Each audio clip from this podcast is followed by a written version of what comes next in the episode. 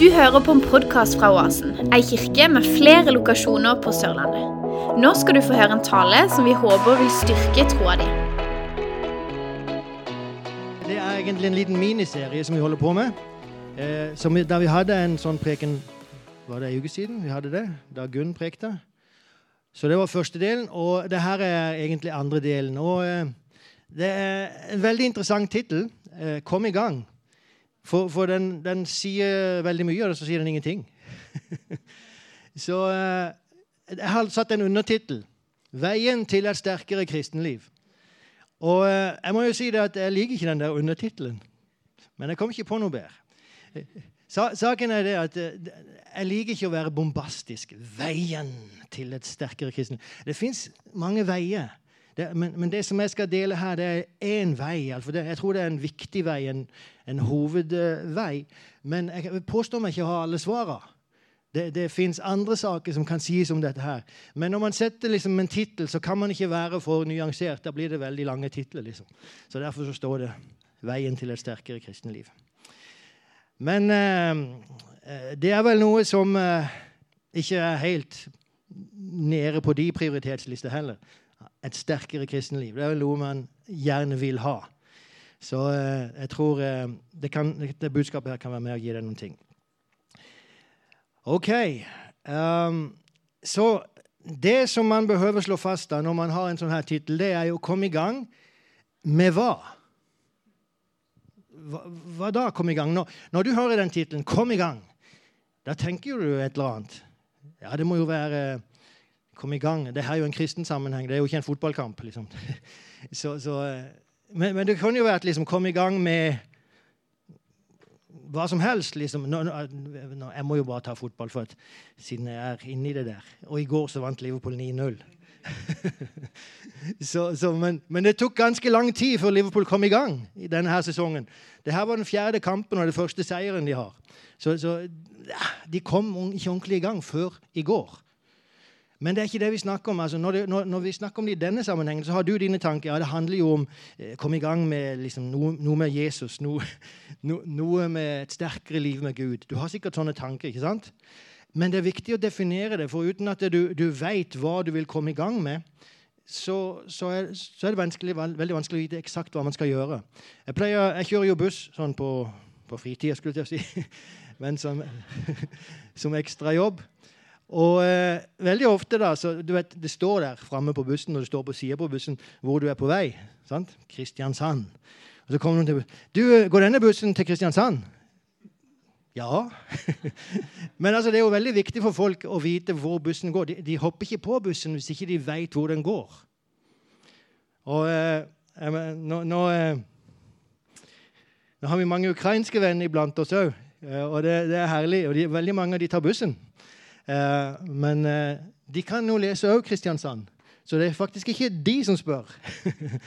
de er veldig bevisste på hvilken buss de skal hoppe på. Det, eh, men det er viktig å vite hvor bussen går. Og det som er, som er, altså Man kan jo definere det på forskjellige måter, men jeg sier én sak, en måte, en mål som vi er på vei til, det er bli mer, oi, bli mer lik Jesus det, det, er jo Kom i gang, bli mer lik Jesus. Man skulle kunne definere det på den måten. Okay? Og Da har vi dette eksempelet her fra 1. Korinterbrevet. Vær mine etterfølgere, slik også jeg er Kristi etterfølger. Og jeg, Det er veldig interessant at det, på gresk så, så, er ordet 'etterfølger' Vet du hvilket ord det er? Sjekk din gresk kunnskap. altså, nå, nå, skal Jeg si, altså, jeg har jo studert teologi, og da måtte jeg lese gresk. så jeg, jeg har har en viss grunnkunnskap. Jeg kan sjekke grunnteksten. Jeg kan ikke si at jeg kan lese Nytestamentet rett av på gresk, men jeg kan definitivt gå inn og sjekke den. Og ordet der er mimetai. Kjenner du igjen et ord der? Mime. Mim meg. Sånn som jeg mimer Jesus. Det er egentlig det ordet som brukes. Og du vet hva mime er for noe, OK? Nå skal dere mime med.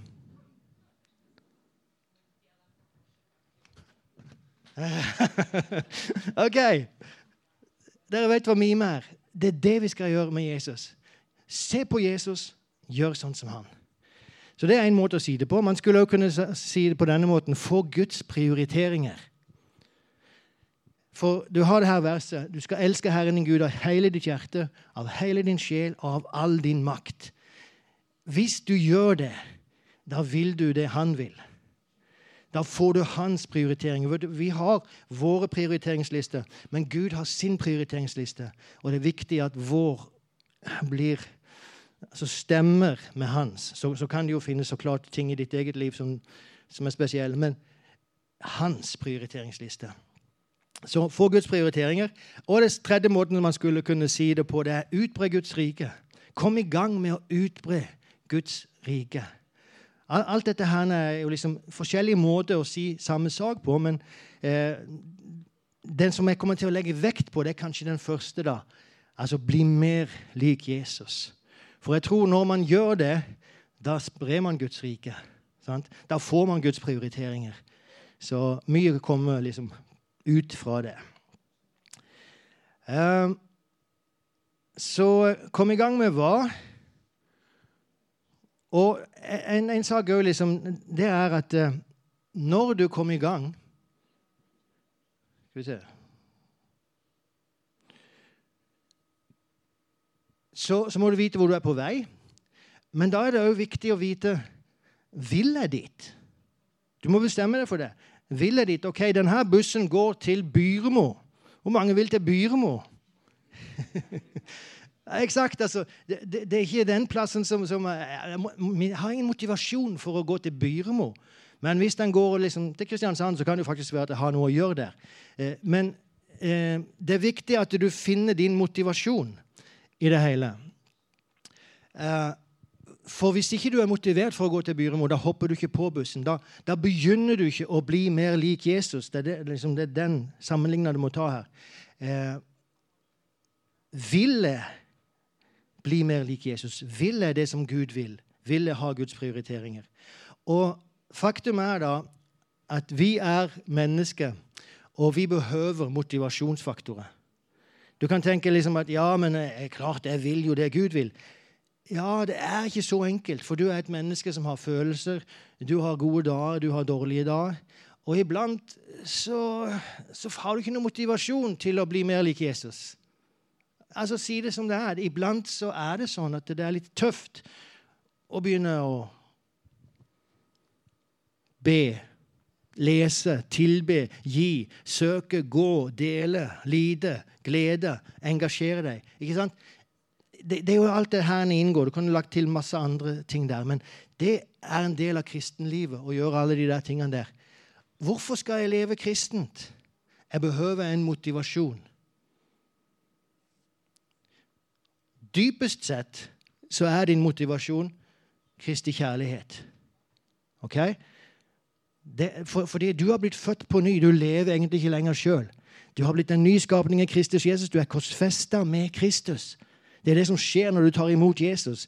Så blir du korsfesta med Kristus. Du blir en nyskapning i Han. Og Derfor så fins det noe på innsida av deg som er født av Gud, som vil dette her. Som har motivasjonen. Men du har òg et kjøtt. Vi har det. Og det, det hjelper ikke å fornekte det. Hvis du fornekter det, så lurer du egentlig bare deg sjøl. Og derfor så behøver du en motivasjon. Ja, Kristi kjærlighet tvinger oss. Ja, er en ny skapning. Men hva er det som får meg til å stå på morgenen og be og lese? Hva er det som får meg til å, å være god mot uh, den som ikke er god mot meg? Og ikke bli irritert når noen tramper meg på tåa? Hva er det som får meg til å leve kristent?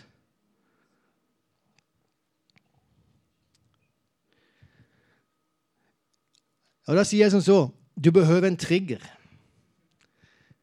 Ikke sant? En pistol har en trigger som får kula til å gå ut. Du og meg vi behøver triggere i våre liv. Jeg tror vi behøver flere. egentlig. Men du behøver en trigger. Og eh, Nå skal jeg bare nevne noen av disse, det som kan være en trigger i ditt liv. Og så skal jeg forklare hva jeg mener for noe. Eh, men det kan være liksom relasjonen med Jesus. Du, du kan være en sånn person som bare elsker å være i lovsang, tilbedelse. Det kan være det, det som det bare trigger Å, fantastisk! Du kan elske å liksom be og lære å kjenne Jesus med. Det kan være noe som virkelig er en motivasjon for det. Du elsker å ta den tida. Jeg har truffet personer som ber 80-90% av sin vågne tid. Da snakker vi om nonner og munker. Men de gjør det av kjærlighet til Jesus. Så det fins faktisk en sånn motivasjon. Jeg bare elsker å være sammen med Jesus. Så kan det være det her. Jeg har et sånn stort hjerte, for når jeg ser lidelse, så, så rører det ved meg dypt inni meg, og det, det, får meg til å handle. Det får meg til å uttrykke Guds kjærlighet. Sant? Eh, vi har sånne personer. Skulle kunne nevne mor Teresa kanskje, som en sånn person som Det er det som trigger henne. Kjærlighet til ufrelste.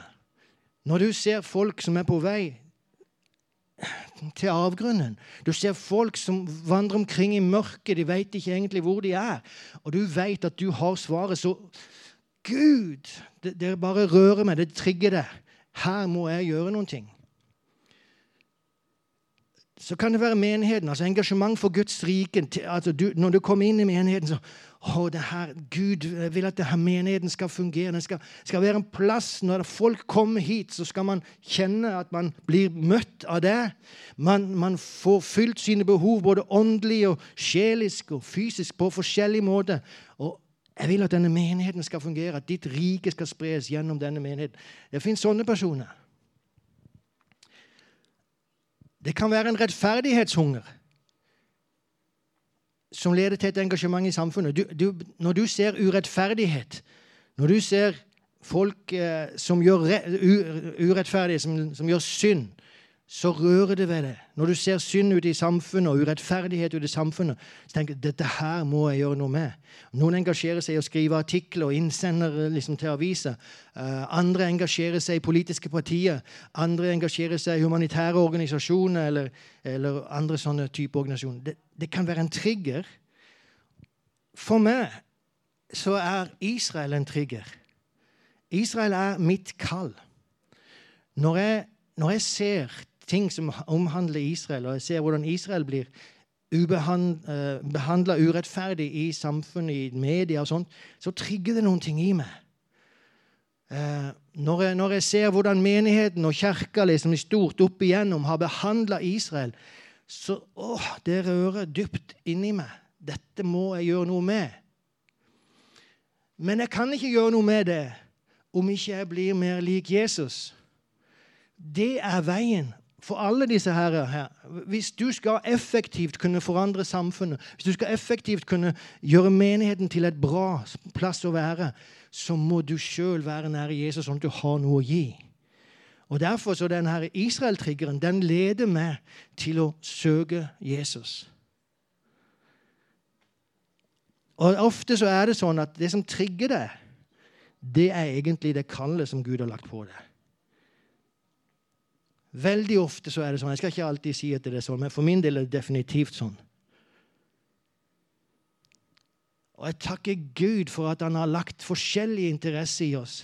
At, at noen røres av ufrelste når de ser ufrelse. Noen røres av når de ser lidelse osv. Det, det, det, det er sånn det må være for at fullheten skal finnes i Kristi kropp. Finn din motivasjon. Om ikke, du, du har, eh, om ikke, du, er sikker på hva det er som trigger deg, søk Gud, spør Gud. Hva, hva, hva har du for meg? Men jeg tror eh, veldig ofte så, så, så er det ganske naturlig i det. det. det. er noe som er dominerende som trer fram. OK.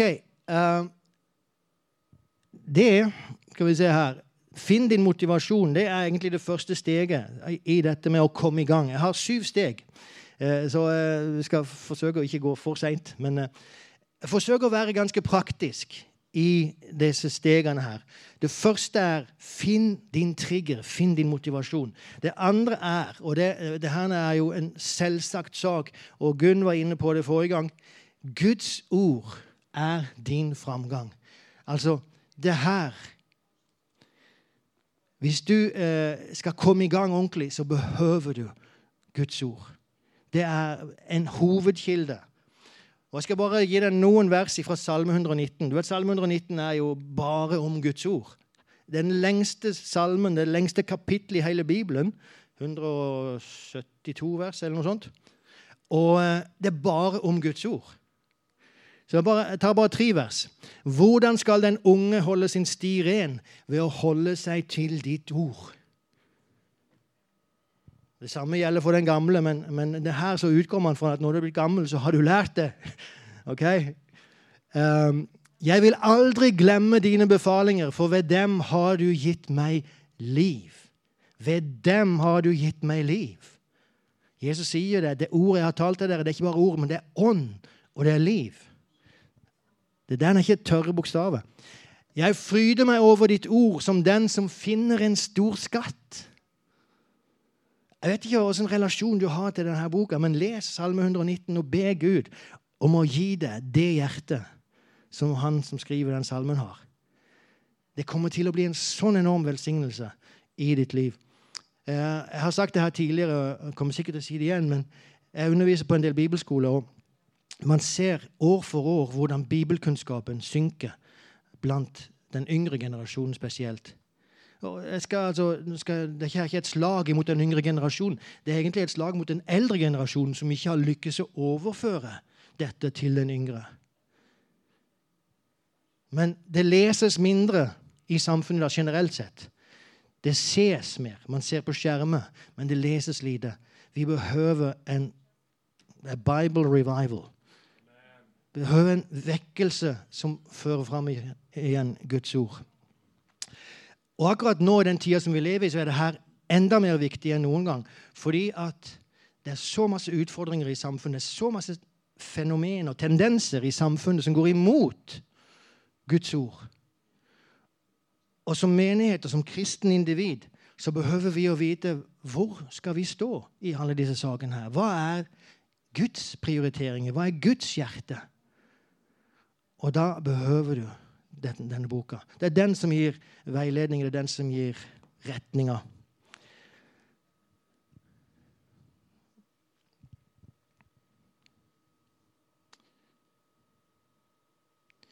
Ok. Eh, hvis vi bare ser, Jeg er inne på denne andre punktet fremdeles. Men hvis du bare ser veldig fort på tre reformasjoner i Gamletestamentet I, i Gamletestamentet så, så, så vet vi at uh, vi har ja, vi har masse som skjer, men til slutt så får Israel en konge. ikke sant? Saul. Første kongen i Israel. Så kommer David og Salomo. Og det her er jo fantastiske konger. liksom. Oi, herlig og bra, liksom. Stort sett. Men så kommer vi etter Salomo, så begynner ting å gå nedover. Og, og, så deles riket. liksom Israel deles i Nordriket og Sydriket. Og, og, så står det om de forskjellige kongene at han gjorde det som var ondt i Herrens øyne. Han gjorde det som var ondt. liksom I Nordriket så har du bare konger som gjør ondt i Herrens øyne. I Sørriket fins det noen gode konger. Og Det er fordi at det finnes, Blant alle de dårlige så fins det plutselig en som står opp, og så reformerer han samfunnet. Og Hva er felles for alle de tre reformasjonene? Josafat er den ene. Så ga de opplæring i Juda, og de hadde Herrens lovbok med seg. Altså Det er bare dratt ut fra en sammenheng, men det står hvordan de går ut og underviser Guds ord. Og det leder til at hele samfunnet vender seg til Gud. Velsignelse kommer over hele landet. De klarer å stå imot sine fiender. Eh, regn kommer i rette tid osv. Velsignelse over landet. Så har vi eh, reformasjonen under kong, kong Jossia. Mens de hørte på, leste han opp alle ordene i paktens bok, den som var funnet i Herrens hus. Det er ganske interessant vers. Der det sto det. Hei, vi har funnet lovboken i Herrens hus. Den har vært glemt i lang tid. Og så plutselig så du, her, Se på den her! Og så tar man fram den, og så leser man den, og så begynner man å leve etter den. Og Den tredje reformasjonen er under Esra. Hele folket lyttet oppmerksomt til lovboken.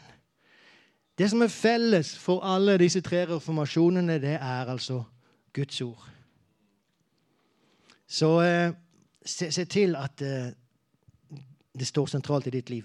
Og bare for, for, at du skal forstå at det her er ikke bare tørre teorier. Hva sier Bibelen om ordet? Jesus er ordet.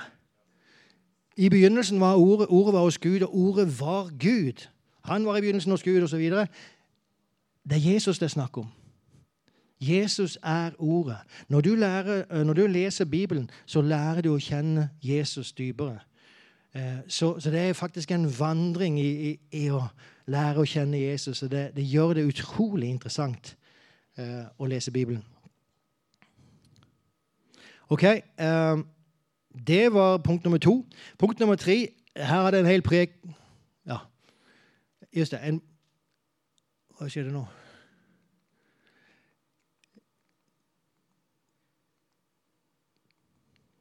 Den der, en pågående relasjon. Ikke noe tørt og teorisk. En pågående relasjon. En levende relasjon. Det er det det er når du leser Bibelen. Eh, punkt nummer tre hadde jeg en preken om eh, her eh, tidligere. Og Det handler om en så enkel sak som å si takk. Husk, vi er på vei til å bli mer lik Jesus. Det, det er liksom det som er målet her. ok? Så alle disse punktene her skal ta deg til å bli mer lik Jesus. Vær takknemlig. Og, og da skal jeg bare gi deg veldig fort noen sånne underpunkter her på hva gjør det når du sier takk? Det her lille ordet. Når du er takknemlig, hva gjør det? Eh, for det ja, Gjør det til en livsstil. Det minner deg om Guds godhet. Takk. For du, altså, du takker jo for noe som er godt. En, en sak som, som, som er ah, Takk, Gud. Det minner deg om Guds godhet. Du innser at du ikke er din egen kilde. Veldig viktig. Du innser at det, det er ikke meg, det er ikke mine hender som har vunnet denne rikdom, sånn som det står i Bibelen. Det er faktisk kommet fra Gud. Selv når du med dine hender tror du har vunnet denne rikdom, så er det faktisk Han som gir deg styrken til å jobbe, står det i Bibelen. Det er i Han vi lever og rører oss her til, så selv det kommer fra Han. Men du innser at du ikke er din egen kilde. Han er din kilde. Det øker bevisstheten om avhengigheten av Jesus når du sier takk. For det er jo en relasjon. Du, du takker fordi det fins en relasjon.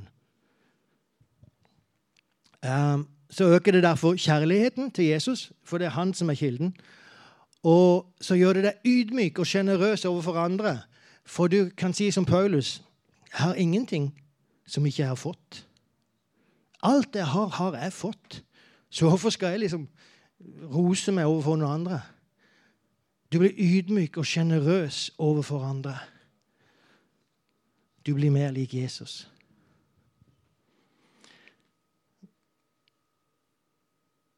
Det gir deg en Guds rike bevissthet.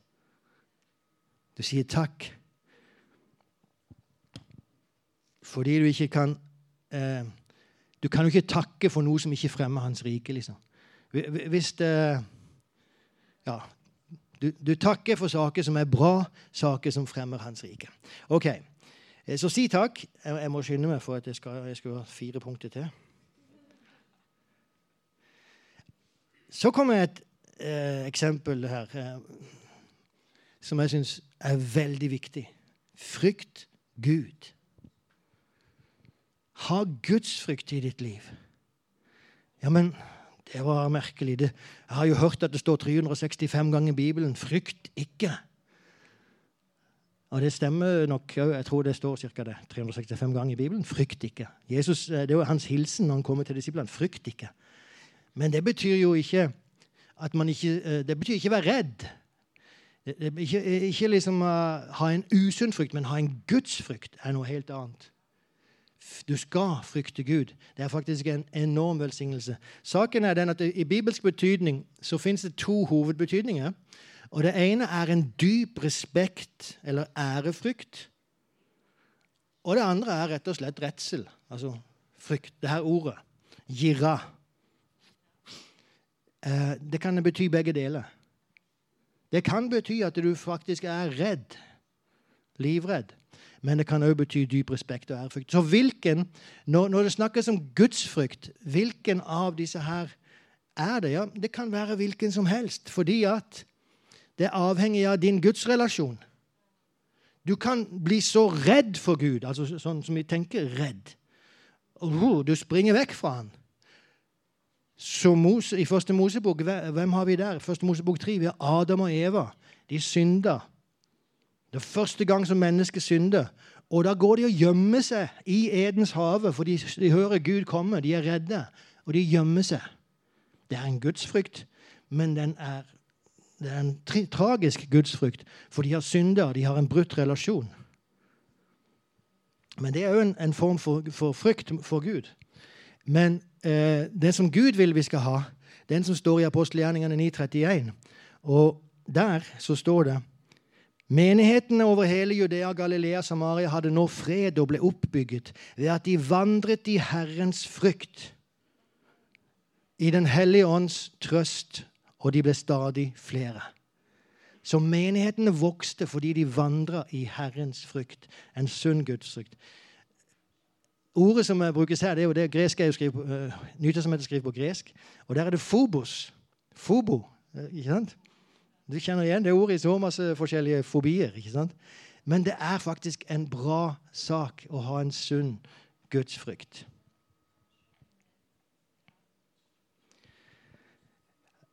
Hvorfor er det bra, da? Jo, se her. Gudsfryktens velsignelse. Sann gudsfrykt er et vern mot synd. Jeg vet Det er masse bibelvers her i dag, og det er litt bevisst fordi at Hva har vi sagt om Guds ord? Uh, så det første er Moses sa til folket, frykt ikke, for Gud har kommet for å prøve dere, og for at hans frykt skal stå for deres øyne, så dere ikke synder. Så Guds frykt er et vern imot synd. Du frykter Gud, du har respekt, ærefrykt for Gud på en sånn måte at du vil ikke bryte mot hans bud. Sunn gudsfrykt leder til et godt liv. Må da bare hjertene deres være slik i dem at de vil rette seg mot å frykte meg og alltid holde mine bud, så det kan gå dem vel, sammen med deres barn til evig tid. Gudsfrykt lever til et godt liv. Og jeg vil også si sann, Guds, sann gudsfrykt leder til en dypere relasjon med Gud. Altså, du får en dypere forståelse for Gud, for du innser at Gud har ulike sider. Det fins en forferdelig side av Gud. Det er forferdelig å havne i den levende Gudens hender, står det. Det er forferdelig å havne i den levende Gudens hender hvis du er en synder. Men hvis du har en bra relasjon med han, så er det fantastisk å havne i den levende Guds hender. Vi sang eh, til å begynne med denne sangen uh, I Love You, Lord. Uh, goodness of God. Jeg elsker den sangen. Your goodness uh, er det? Du Ja, åssen er den? Ja, den. Your, your, goodness is running after me. men Ja, all my life you have been faithful, og så videre og så videre og så videre. Altså, det er masse om Guds godhet over våre liv. sant? Og så fins det et vers Det er bare ett ord i den sangen som er feil. Det var ett ord. Nei da Ifølge akkurat denne tolkninga som jeg gir deg nå. ok?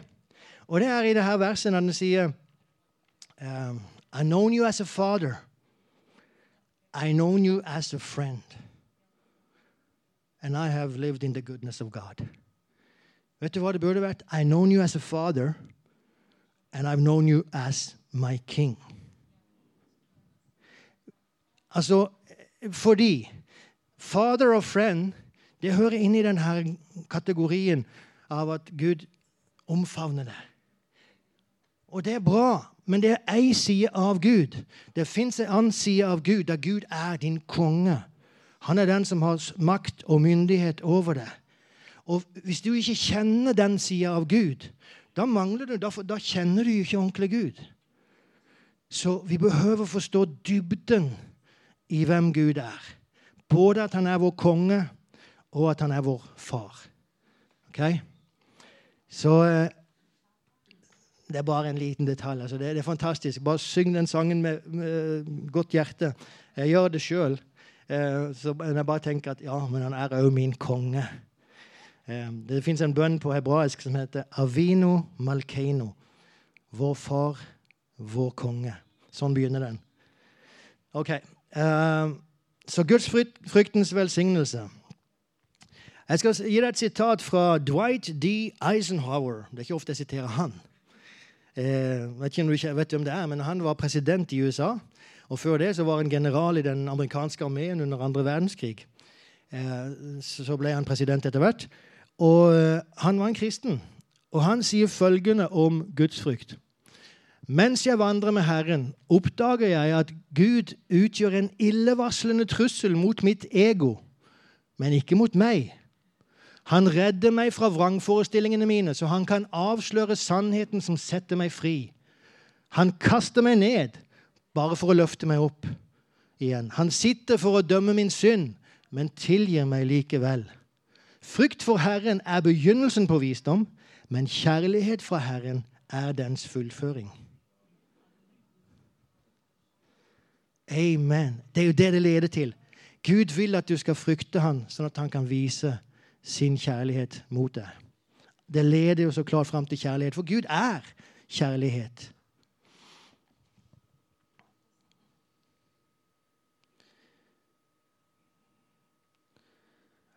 Ok, uh, Vi går mot slutt. Vi har punkt nummer fem. Hjelp deg sjøl. Vær konkret. Altså, igjen, hvor er vi på vei? Bli mer lik Jesus. Det er det som er målet. Ok, Hvordan kan jeg hjelpe meg sjøl i det? Jo, ved å være konkret. Skal vi se.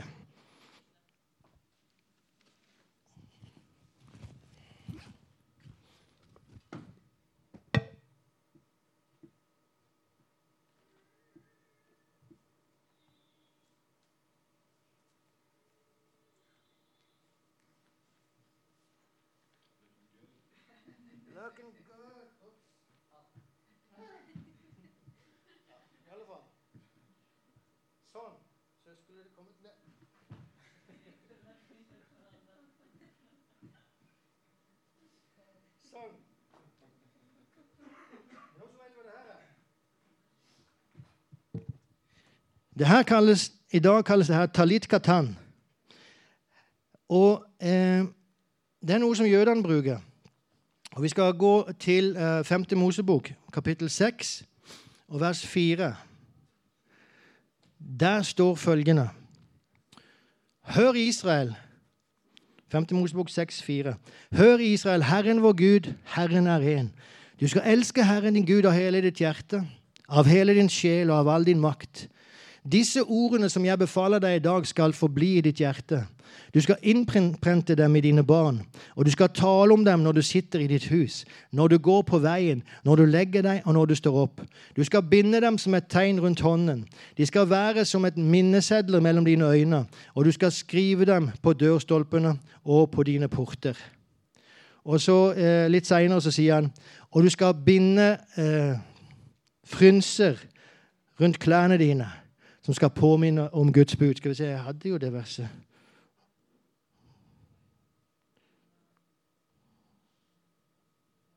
Ja, eh, Fjerde Mosebok 15. Tal til Israels barn og si til dem at de alle slekter etter dem skal de lage seg dusker på kantene av kjortlene sine, og fra hver dusk skal de feste en fiolett tråd til kanten.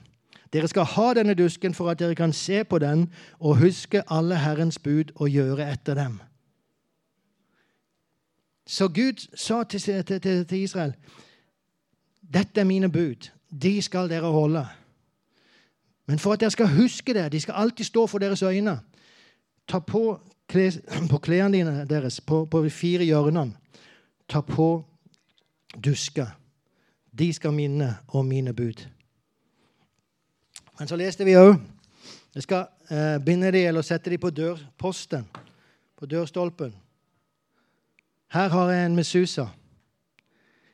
Inni der ligger akkurat det verset som jeg leste, om at Guds ord skal på, settes på dørstolpene, og du skal binde det rundt halsen osv. Disse her Mesusane, sånne står det på nesten alle israelske hjem. På alle dører så står en Mesusa som minner de om Guds ord. De har en annen sak som ikke det står i Bibelen, men eh, som òg minner de om Gud. Og det er den her. En keeper. Den minner de om at de er underlagt Gud. Så, så, hver gang de uttaler en velsignelse, som de gjør veldig ofte For det, det finnes liksom regler i jødedommen om hvor ofte man skal uttale en velsignelse. Eller ikke hvor ofte, men når. For eksempel, når du drikker et glass vann, skal du uttale en velsignelse. Eh, når du ser eh, ei vakker uh, jente. Skal du uttale en velsignelse? Det fins masse forskjellige velsignelser som man skal uttale. Og da skal man, uh, Som tegn på at man er under Gud, så må man ha noe på hodet når man uttaler denne velsignelsen. Så det er jo et tegn. Det står ikke i Bibelen, men uansett, det er en praktisk sak. Uh, tilbake i gammeltestamentlig tid så, så, var deres klær det var bare et stort, avlangt tøystykke. Firkanta, men avlangt. Og i midten var et hull. Det tok det hullet tok det 30 over hodet. Og så kledde de litt, litt lignende det her, men mye lengre. da. Det gikk jo ned til, til beina. Og så bandt de et belte rundt denne her, og så hadde de kledd seg. Og på hvert hjørne så festa de disse frynsene. Og Du kjenner igjen det i den historien om kvinnen med blodsått som rører ved frynsene ved Jeg vet ikke hva det står på norsk. og står det Hjørnet av kappa, ja. Hørntofsen, på godt svensk. Eh, men i alle fall, for Jesus gikk med sånne. Han hadde frynser på klærne sine for å minne han om Guds ord. Så det jeg sier, er Vær konkret. og Nå sier jeg ikke gå med en sånn her. I dag, vet du, av det at ikke de går med disse lange kjortlene, så har de denne her. De har gjort en liten variant av den som de tar under skjorta. Så det eneste som du ser av denne her når de går, det er egentlig disse her som stikker ut. Uh, så, men uansett, for å minne dem om Guds ord. Og Jeg sier ikke at vi skal gå rundt med sånne. Jeg sier ikke heller at du nødvendigvis behøver å ha en sånn på, på dørposten din når du går inn. Denne her har jeg. Jeg måtte ta den løs, så det sitter en spigger i. den. jeg har faktisk festa den der, og jeg syns det er helt OK. Eh, men her gir jeg deg noen eh, praktiske råd. Ja. Mesusa, det var den der. der. Sitt, sitt, det er disse her. Keepa, den på hodet. Og velsignelse, da. At man hele tida skal uttale velsignelse. Ha Bibelen synlig framme. Se til at ikke du bare leser Bibelen på telefonen din. Ha en fysisk bibel. Den får du en relasjon til. En telefon den går i stykker etter en stund, og så hiver du den. Du har ingen relasjon til en telefon eller til en app. Men ha en synlig bibel, og la den ligge framme. Så den minner det om Guds ord. Bilder på veggene fra Bibelen. Bilder som minner deg om bibelske saker osv. Tekst, skrift, kanskje bibelvers, kunst på en eller annen form som som er bibelvers. Bønner. La det være lett for deg å, å, å, bare kaste opp en bønn til Gud. Du vet, Når du ber, så behøver du ikke å be i tre timer. Du kan faktisk be i et halvt minutt. Og du, du kan faktisk be i fem sekunder. Gud, hjelp meg når jeg nå går inn i denne situasjonen. Det er en bønn. Smith Wigglesworth sa han var en veldig kjent predikant. Jeg ber sjelden mer enn fem minutter. Men det går sjelden mer enn fem minutter mellom hver gang jeg ber. Så la bønn bare være noe helt naturlig. Samtaler om Gud med, med familie, med venner. La det bli en helt naturlig sak å, nevne Gud i samtale. Si takk. ikke sant? Takk. For det er alt sammen liksom retter fokuset mot Han. Lovsanger. Om ikke du synger sjøl, så ha det på. Der er jeg veldig dårlig. ha det på i, i musikk liksom, i hjem og i sånn. Men jeg synger sjøl, da. Når jeg er aleine. um, bibelvers. Lær deg bibelvers utenat. Og liksom bare la de komme opp inn i det med jevne mellomrom. Uh, faste tider for å gjøre ulike saker. Kanskje klokka tolv hver dag når du skal gå og ha din lunsj. Så, så da skal du òg be ett minutt for en spesiell sak. Altså, Eller fast tid på morgenen, liksom. Men ha faste tider du gjør visse saker. Vær konkret. Det, det, er en utrolig hjelp. Altså, Gud visste jo at det her israelittene de behøver noe synlig påminnelse for om de skal holde mitt ord. Og jeg tror ikke du og meg er noe spesielt annerledes. Så vi behøver synlig påminnelse. Det er bare menneskelig. Jeg er snart ferdig. Eh, gjør Gud til en daglig del av, til en selvsagt del av dagliglivet. Ok? Um, og så slapp av. nå, nå, har jeg liksom sagt så veldig masse, men til slutt, eller nesten slutt Slapp av. Altså, vit to saker. En, Gud er på de side. ok? Du, du, kan her Bibelen, altså Guds øyne farer over hele jorden. sant? Guds øyne farer over hele jorden for å finne noen som mislykkes, så han kan piske dem. Har du en annen oversettelse? Guds øyne farer over hele jorden for kraftig å støtte de hvis hjertet er helt med ham. Ok? Han, han, søker virkelig noe. Er det noen her som, som har sitt hjerte vendt mot meg? Det, Gud er på de sider. Han, han, han bare ser til ditt hjerte. Han søker ikke fullkomne mennesker. Han søker helhjerta mennesker. Gud er på din side. Vit det. Nummer to, vit du kommer til å mislykkes. det her skulle man aldri ha sagt på 80-tallet i den menigheten der jeg gikk. Men vi har faktisk lært at, at jeg kommer til å mislykkes. Det kommer til å gå galt noen ganger. Og vet du hva? Slapp av. Det er OK. Gud er på de sider. Det som er viktig når du mislykkes, det er at ditt hjerte er vendt mot omvendelse. At ditt hjerte ikke er vendt bort fra han, og at du bruker det som en unnskyldning for liksom å fjerne det. Nei, nei, ditt hjerte er vendt Gud. Å, det der gjør vondt.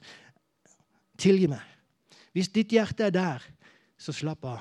Det kommer til å gå bra. Mist ikke perspektivet. Eh, en, en, historie som jeg hørte, det er Under middelalderen så holdt de på å bygge liksom, nede i, ned i eh, ja, De holdt på å bygge nede i, i Europa store katedraler. Okay? Og da hadde vi noen arbeidere, to arbeidere som kom og sto og gravde ei grøft, eller et svært hull. Og det kom en bort, fyr bort til dem. Hva er det dere holder på med? Ja, vi graver et stort hull her. OK. Så gikk han videre, og så var det noen andre som holdt på litt lenger bort. Eh, og de holdt på å flytte liksom, og slå i stykker noen steiner. og liksom, Hva er det dere holder på med? Ja, vi bygger en katedral. Mist ikke perspektivet. Hva er det du holder på med? Altså, Disse her har jo en motivasjon til å holde på. For de vet at til slutt så kommer det til å bli noe fantastisk her. Mens disse her vi graver et hull. Liksom. OK. Så, så, se til, når, når, du er midt i litt tøffe tider, mist ikke perspektivet. Jeg er faktisk på vei til Byremo. Ellers er du ikke det. uh, OK, og til slutt Sett realistiske mål. Ikke, ikke, si det at ok, fra og med i morgen så skal jeg fikse på det og det og det. Og det, og jeg skal be en halv time på morgenen, jeg skal lese syv kapitler. Ja. Sett realistiske mål. Ok, Jeg skal lese et halvt kapittel. Jeg skal lese tre vers. Altså, Sett noen ting som du kan klare, og, mens utfordre deg sjøl. Du, du liksom forsøker å strekke det men sett realistiske mål, så ikke du hele tida blir skuffa og tenker det er en mislykkelse. Jeg kommer aldri til å få til det her. Begynn i det små. Hvordan spiser man en elefant? en bit av gangen. Muskler som ikke er trent, kommer til å verke. Når du begynner, så kommer det til å gjøre litt vondt til å begynne med. Men hvis du bare fortsetter, så blir det bra. Um, OK. Da eh, til slutt, da. Disiplin behøves, men det finnes òg i den nye skapningen. For det står om åndens frukt at den er kjærlighet, glede, frihet, tålmodighet, vennlighet, godhet, trofasthet, saktmodighet, selvtukt. Halleluja! selvtukt det høres, det høres ille ut. Jeg, jeg, gjorde faktisk et ordstudium når jeg studerte teologi. Ordet heter enkrateia. Og det selvkontroll oversatt er det som. Selvkontroll. Selvtukt er liksom å, det er enda et steg. Uh, men, uh, men det, den fins i åndens frukt. Fordi at du har blitt født av Gud, så fins det her i ditt liv. Du må bare dyrke det fram. Du må bare liksom se til at det får næring. Sant? Så den frukten blir stor. Men det fins. Det er ikke sånn at du behøver å finne opp hjulet på nytt. Amen. OK. Dette, eh, jeg har sagt nå at jeg slutter å gjøre det. Dette er siste slide. Og Jeg skal bare lese et bibelvers til slutt for, for virkelig å ja, sammen, sammenfatte det hele. Ja, just det. Selvkontroll er ikke loviskhet, OK? Pst. Da ville det ikke vært med i lista i Galaterbrevet. For det er faktisk Nytestamentet. Så det er ikke lovisk å ha litt selvkontroll. Det er faktisk veldig bibelsk. Ok, Hebreerne 12, 1-3. Derfor skal også vi, siden vi er omgitt av en så stor sky av vitner, legge av enhver byrde og synden som lett, så lett fanger oss, og løpe med utholdenhet i den kampen som er lagt foran oss, mens vi ser på Jesus, troens opphavsmann og fullender. På grunn av den gleden som var lagt foran ham, utholdt han korset og aktet ikke på skammen, og har nå satt seg ved høyre side av Guds trone. Se på ham som har holdt ut en slik motsigelse fra syndere, for at dere ikke skal bli trette og motløse i deres sjeler. Så bare hold perspektivet, fest blikket på Jesus. Slapp av. Gud er for det. Det kommer til å gå bra. Takk for at du lytta til vår podkast. I Oasen har vi et kreativt, positivt og attraktivt miljø der vi drømmer om å se mange sunne menigheter. Ta gjerne kontakt med oss via vår nettside eller sosiale medier. Ha en velsigna dag.